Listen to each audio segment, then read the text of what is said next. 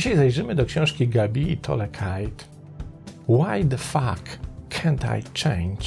Zapraszam.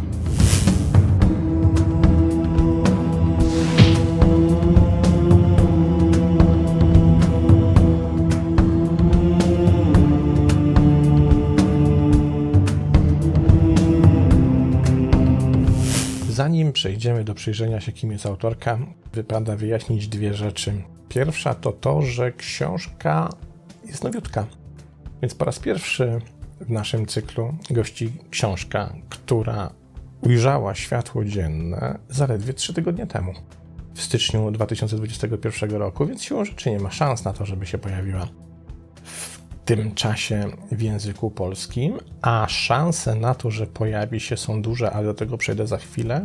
Natomiast to, co jest istotne, uznałem, że ta książka jest na tyle ważna i porusza na tyle ciekawą wiedzę i ważny obszar poznawczy, że szkoda czekać, żeby się zestarzała, nie ukazawszy się na polskim rynku, czy nawet szkoda czekać, by się ukazała za kilka lat, skoro można z tej wiedzy zaczerpnąć już teraz i stąd obecność książki nowej, więc tym razem nie marudzimy, że nie została wydana, po prostu cieszymy się, że taka książka ujrzała światło dzienne. Drugie wyjaśnienie dotyczy wulgaryzmu zawartego w tytule.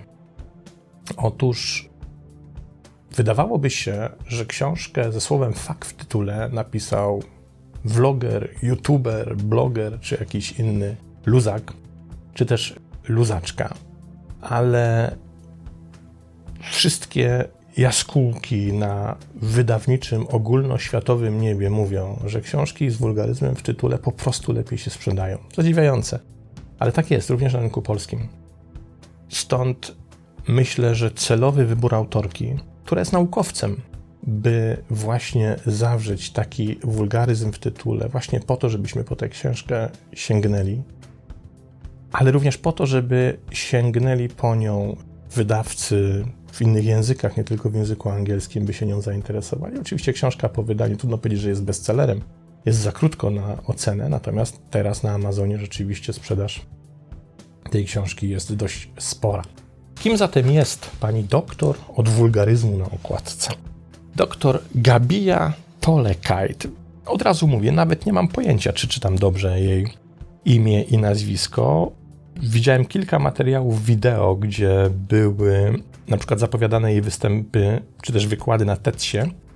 I tam za każdym razem, kiedy ją przedstawiają, mówią to inaczej. Raz wymawiają Gabija, Tolekita, raz mówią Gabija Tolekite. Wiecie, zostańmy sobie przy tej Gabii i niech tak już będzie, niezależnie od tego, jak naprawdę powinno się to nazwisko i imię wymawiać. Kim zatem jest pani doktor? Jest neurobiologiem i trenerem biznesu.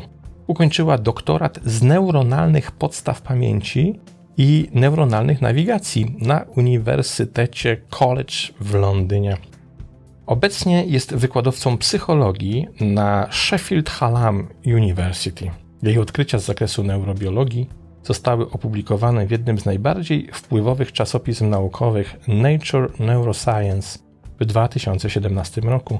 Jest też autorką wielokrotnie nagradzanych badań naukowych nad chorobą Parkinsona i wielu, wielu innych. No i nagle mamy niezwykłą zbitkę. Mamy wprawdzie bardzo młodą panią doktor, ale już z potężnym dorobkiem naukowym, nagradzaną i cytowaną wielokrotnie, i zadziwiający tytuł z wulgaryzmem, który tak naprawdę moglibyśmy przetłumaczyć, dlaczego do jasnej cholery, czy tam do diaska, chcielibyśmy być bardziej uprzejmi, nie potrafimy się zmienić.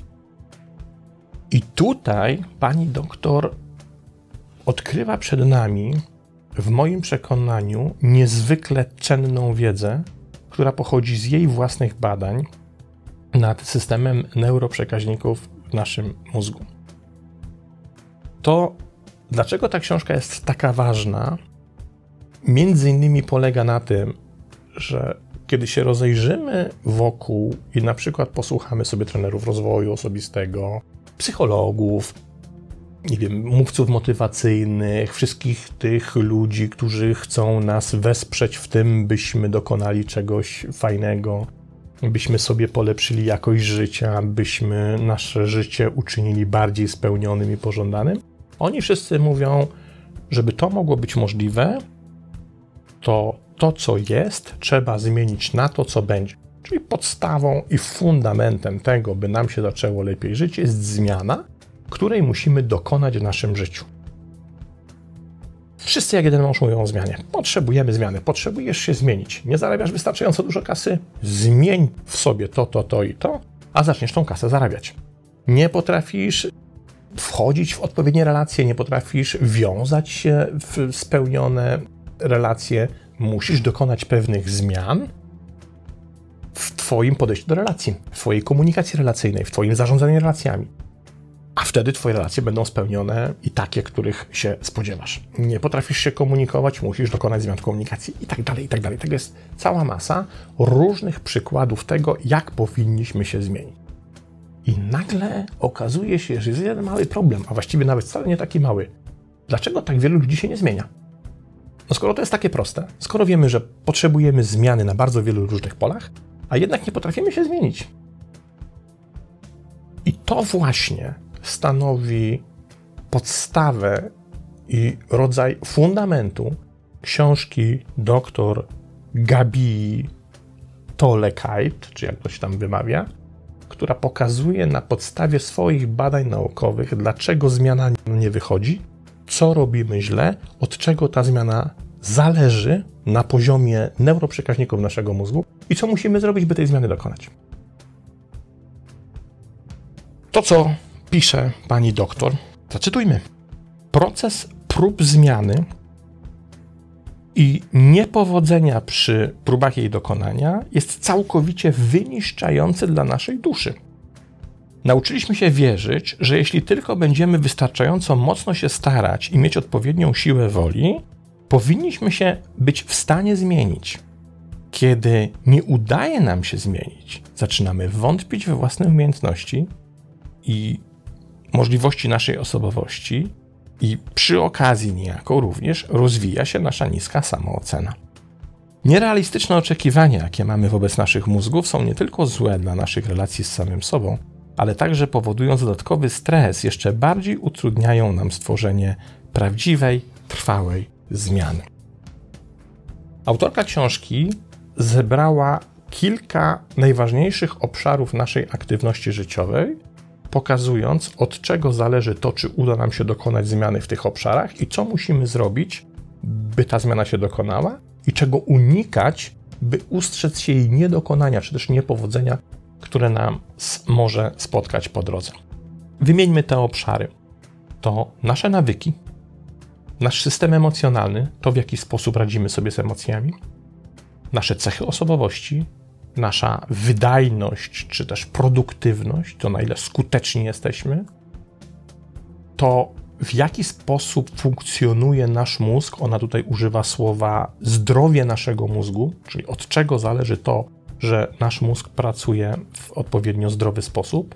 Obszar podejmowania decyzji, obszar przywództwa, ale nie rozumianego jako bycie liderem jakiejś grupy ludzi, ale raczej jako umiejętności zarządczych zarządzania sobą, zarządzania sytuacją, zarządzania sukcesem, zarządzania porażką, zarządzania w ogóle naszym życiem. Moglibyśmy powiedzieć, że to jest obszar odpowiedzialny za to, jak dobrym przywódcą sami dla siebie jesteśmy, czy też możemy być. Obszar naszych relacji z innymi ludźmi, nie tylko tych romantycznych, z naszymi romantycznymi partnerami, ale wszystkich innych relacji z rodziną, z rodzicami, z dziećmi, z, z pracownikami, współpracownikami, przełożonymi, podwładnymi itd. Tak I w końcu obszar dotyczący komunikacji. Książka jest bardzo duża, bardzo objętościowa i naprawdę wymaga sporo czasu, żeby, żeby się w nią na odpowiednio głębokim poziomie wgryźć, bo prezentuje całą masę teorii, badań naukowych i dowodów na to, w jaki sposób na poziomie neuronalnym, na poziomie hormonalnym, chemicznym funkcjonuje nasz mózg. Ja wybrałem z niej niewielkie fragmenty, no bo trudno, żebym opowiedział ją całą, zabrałoby nam to, siedzielibyśmy teraz pewnie kilka dni, a nie 20 czy 30 minut. Ale uważam, że pokazanie samych tych fragmentów jest wystarczająco intrygujące, byśmy zaczęli inaczej myśleć na temat zmiany. Byśmy myśląc o tym, że musimy się zmienić, że coś w naszym życiu musi się zmienić, brali pod uwagę dokonania pani doktor, bo są niezwykłe, otwierają nam oczy i powodują, że rzeczywiście możemy się zastanowić nad tym i wreszcie wyjaśnić sobie, dlaczego tyle razy próbowaliśmy się zmienić i za każdym razem odnosiliśmy porażkę, klęskę, fiasko i nic z tego nie wychodziło, oczywiście waląc w nasze poczucie własnej wartości. Co pisze pani doktor? Nasze mózgi opierają się nagłym zmianom z wielu powodów. By wprowadzić trwałą zmianę, musimy poradzić sobie z konfliktem pomiędzy różnymi ośrodkami mózgu. Możemy podzielić obszary mózgu na trzy główne klasy w oparciu o nasz rozwój ewolucyjny. Będą to mózg jaszczurki, czyli gadzi, mózg ssaka i mózg człowieka. Najczęstszy konflikt zaś występuje pomiędzy mózgiem człowieka a dwiema jego pozostałymi częściami, mózgiem ssaka i mózgiem jaszczurki, bo każdy z nich realizuje inne zadanie i ma też inne priorytety. Spróbujmy teraz to przetłumaczyć na taki język. Ja użyję, mam nadzieję, takiej metafory, która w nas zostanie i będzie się odpalała w głowie za każdym razem, kiedy pomyślimy, dlaczego zmiana mi się nie udaje.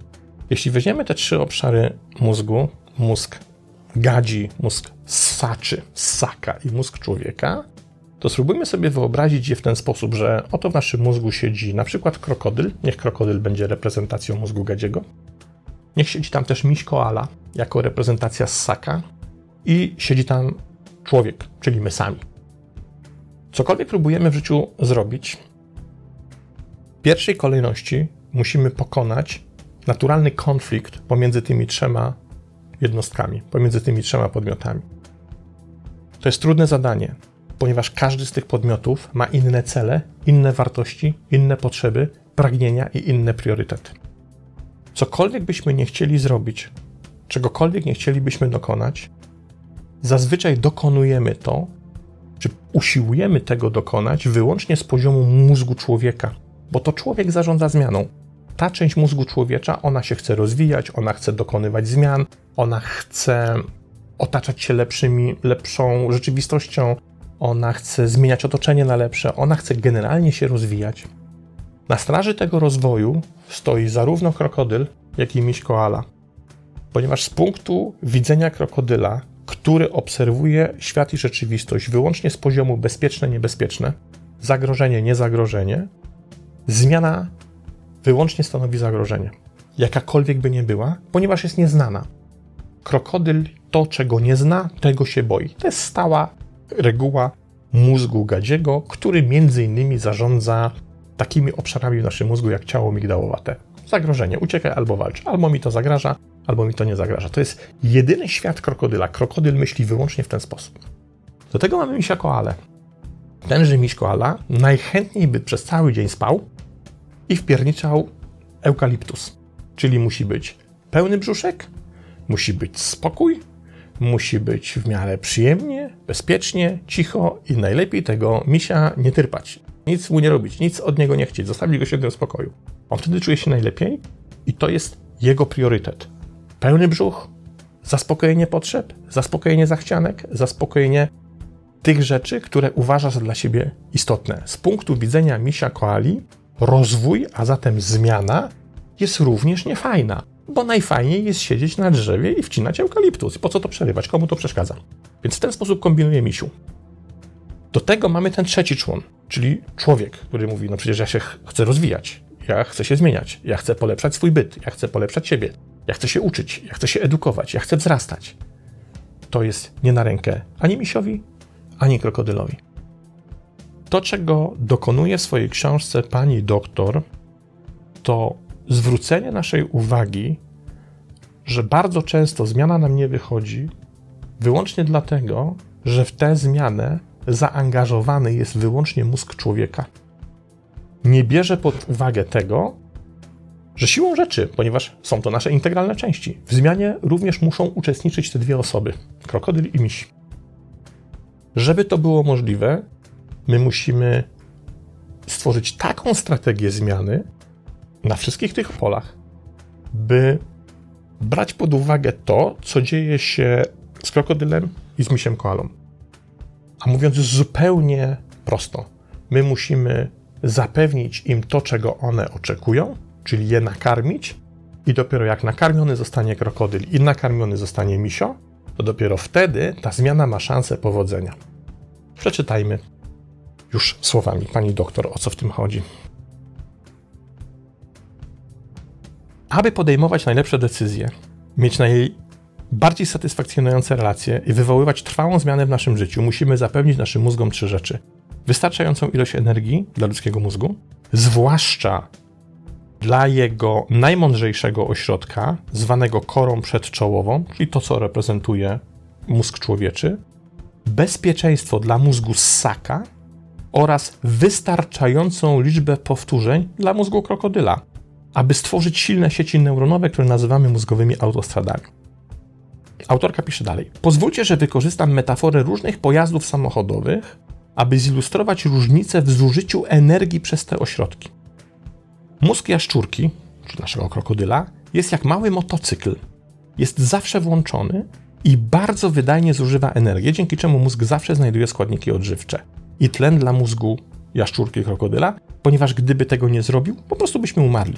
Mózg ssaka, czyli w naszym przypadku misia koali, jest jak lekki samochód. Jest o wiele droższy pod względem zużycia paliwa niż mózg jaszczurki, czyli krokodyla, ale nadal jest aktywny przez większość godzin czuwania, kontrolując nasze automatyczne nawyki. Niektóre ośrodki mózgu ssaków są również aktywne podczas snu, aby przetwarzać informacje, które napotykamy w ciągu dnia. Wreszcie, ludzki mózg jest jak samolot. Zużywa ogromne ilości składników odżywczych i tlenu, a więc jest aktywny tylko wtedy, gdy spełnione są dwa warunki. Po pierwsze, gdy wykonujemy zadania wymagające tych funkcji, a po drugie, gdy mózg ma wystarczającą ilość paliwa po nakarmieniu pozostałych dwóch ośrodków mózgowych.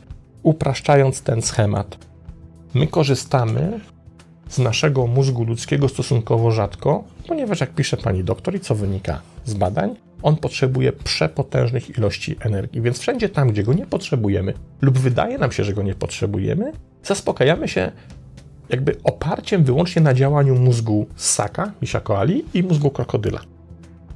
One czuwają, one zarządzają naszą aktywnością w ciągu dnia. Dopiero w tych ekstremalnych momentach, kiedy chcemy czegoś właściwego dokonać, wtedy dopiero posiłkujemy się mózgiem człowieka. Problem jednak w tym, że nie bierzemy pod uwagę, że to cały czas działa w tej trójcy, w interakcji pomiędzy sobą. Tyle teorii. Przejdźmy teraz do praktyki. Pokażmy to na wybranych przykładach, co to oznacza praktycznie dla nas. Na przykład pierwszym z obszarów, które wymieniane są w tej książce, a mianowicie w nawykach. Czytamy. Sposób funkcjonowania naszego mózgu oznacza, że pod koniec dnia, kiedy jesteśmy zmęczeni, a zwłaszcza jeśli byliśmy zestresowani, nie ma wystarczającej ilości energii, aby mózg ludzki, szczególnie jego najbardziej złożone części, takie jak kora przedczołowa, funkcjonował optymalnie. Z tego właśnie powodu wracamy do starych nawyków, którymi kieruje się bardziej energooszczędny mózg ssaków. Dlatego jeśli chcemy zacząć nowe nawyki, czekanie do końca dnia to zły pomysł. Niesamowite, prawda? Nie pomyśleliśmy o tym nigdy że tak naprawdę im wcześniej ten nawyk będziesz opracowywać, im wcześniej w ciągu dnia będziesz próbować go wdrożyć, tym większa szansa na to, że to się powiedzie. Dlatego pierwszą zasadą tworzenia nowych nawyków jest robienie nowych rzeczy rano lub zaraz po przebudzeniu. Drugą zasadą jest zwiększenie naszej motywacji poprzez aktywowanie ośrodka nagrody w mózgu. Uwaga, to jest karmienie koali. Słuchamy. Możemy to zrobić na przykład pisząc listę korzyści, jakie nowy nawyk dałby nam teraz i w przyszłości we wszystkich dziedzinach życia. Tutaj się zatrzymamy. Dlaczego to jest takie istotne? Z punktu widzenia ssaka jutro nie istnieje. Z punktu widzenia koali jutro nie istnieje. Więc nie możesz koali powiedzieć, jutro będzie nagroda. On to ma gdzieś, go to nie interesuje. Weź, zawołaj psa i powiedz mu, słuchaj, jak będziesz piesku grzeczny dzisiaj do końca dnia, to jutro będzie nagroda. Jutro z perspektywy widzenia ssaka jest tak abstrakcyjnym i absurdalnym pojęciem, które jest nierzeczywiste. Więc dla niego to nie jest żadna korzyść, żadna nagroda.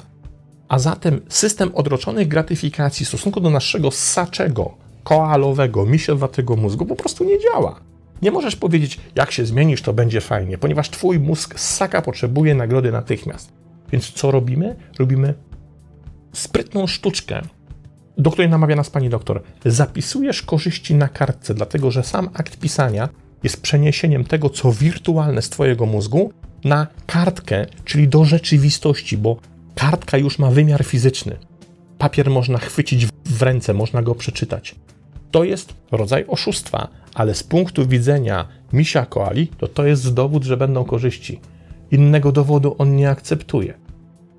I zobacz, jak niewiele trzeba, by posługując się tymi pomysłami, realizować zupełnie nową strategię pracy ze sobą i wprowadzania nowych nawyków. Czytajmy dalej.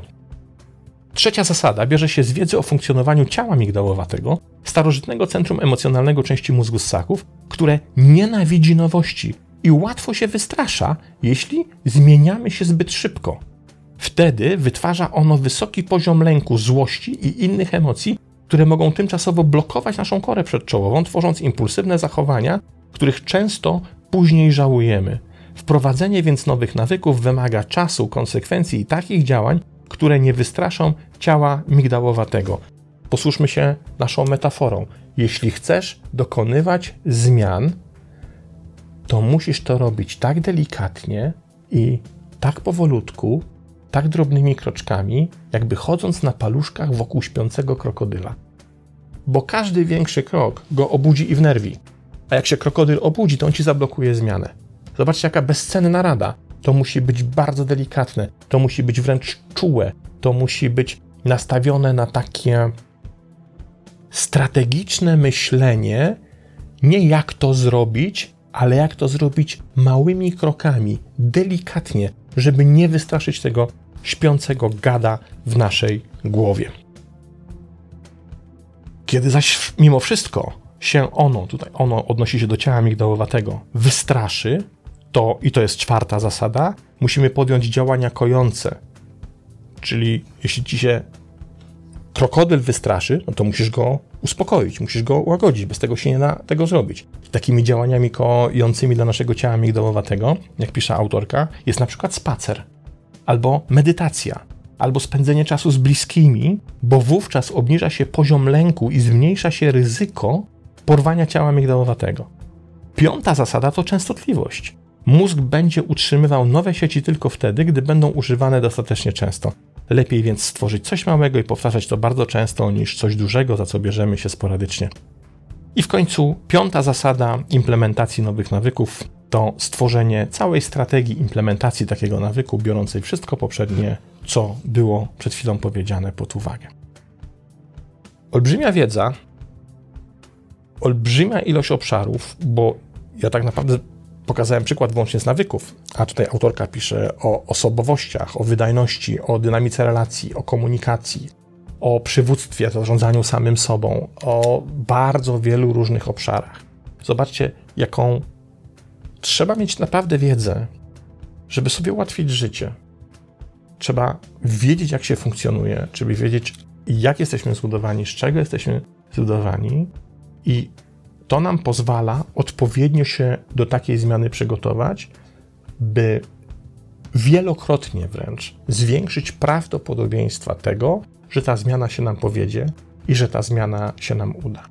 I jednocześnie ta sama wiedza, ta sama mechanika, ta sama strategia dokonywania zmiany w naszym życiu pokazuje nam, gdzie popełniamy błędy i dlaczego tej zmiany nie dokonaliśmy dlaczego nie potrafimy wytrwać w tych noworocznych postanowieniach, dlaczego nie potrafimy zrzucić kilogramów, dlaczego nie potrafimy dojść do jakiegoś sensownego i konkretnego efektu w takim postanowieniu. Ostatnio czytałem w internecie 60 książek rocznie. Świetnie. Tylko czemu większość polega na tym, że kończy na czwartej, piątej książce i potem ta, to postanowienie, ta zmiana okazuje się niezrealizowana.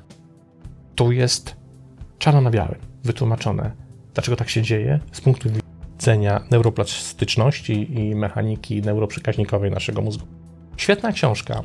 Sprzed trzech tygodni. Nówka sztuka, chciałoby się powiedzieć, aż pachnie drukarnią, mimo że mam ją w czytniku elektronicznym. Polecam szczególnie mocno. Która być może ze względu na wulgaryzm w tytule pojawi się za rok, dwa, trzy w Polsce. Myślę, że jest na to szansa, bo książka niezwykle istotna i ważna. To tyle. Do następnego razu. Pozdrawiam.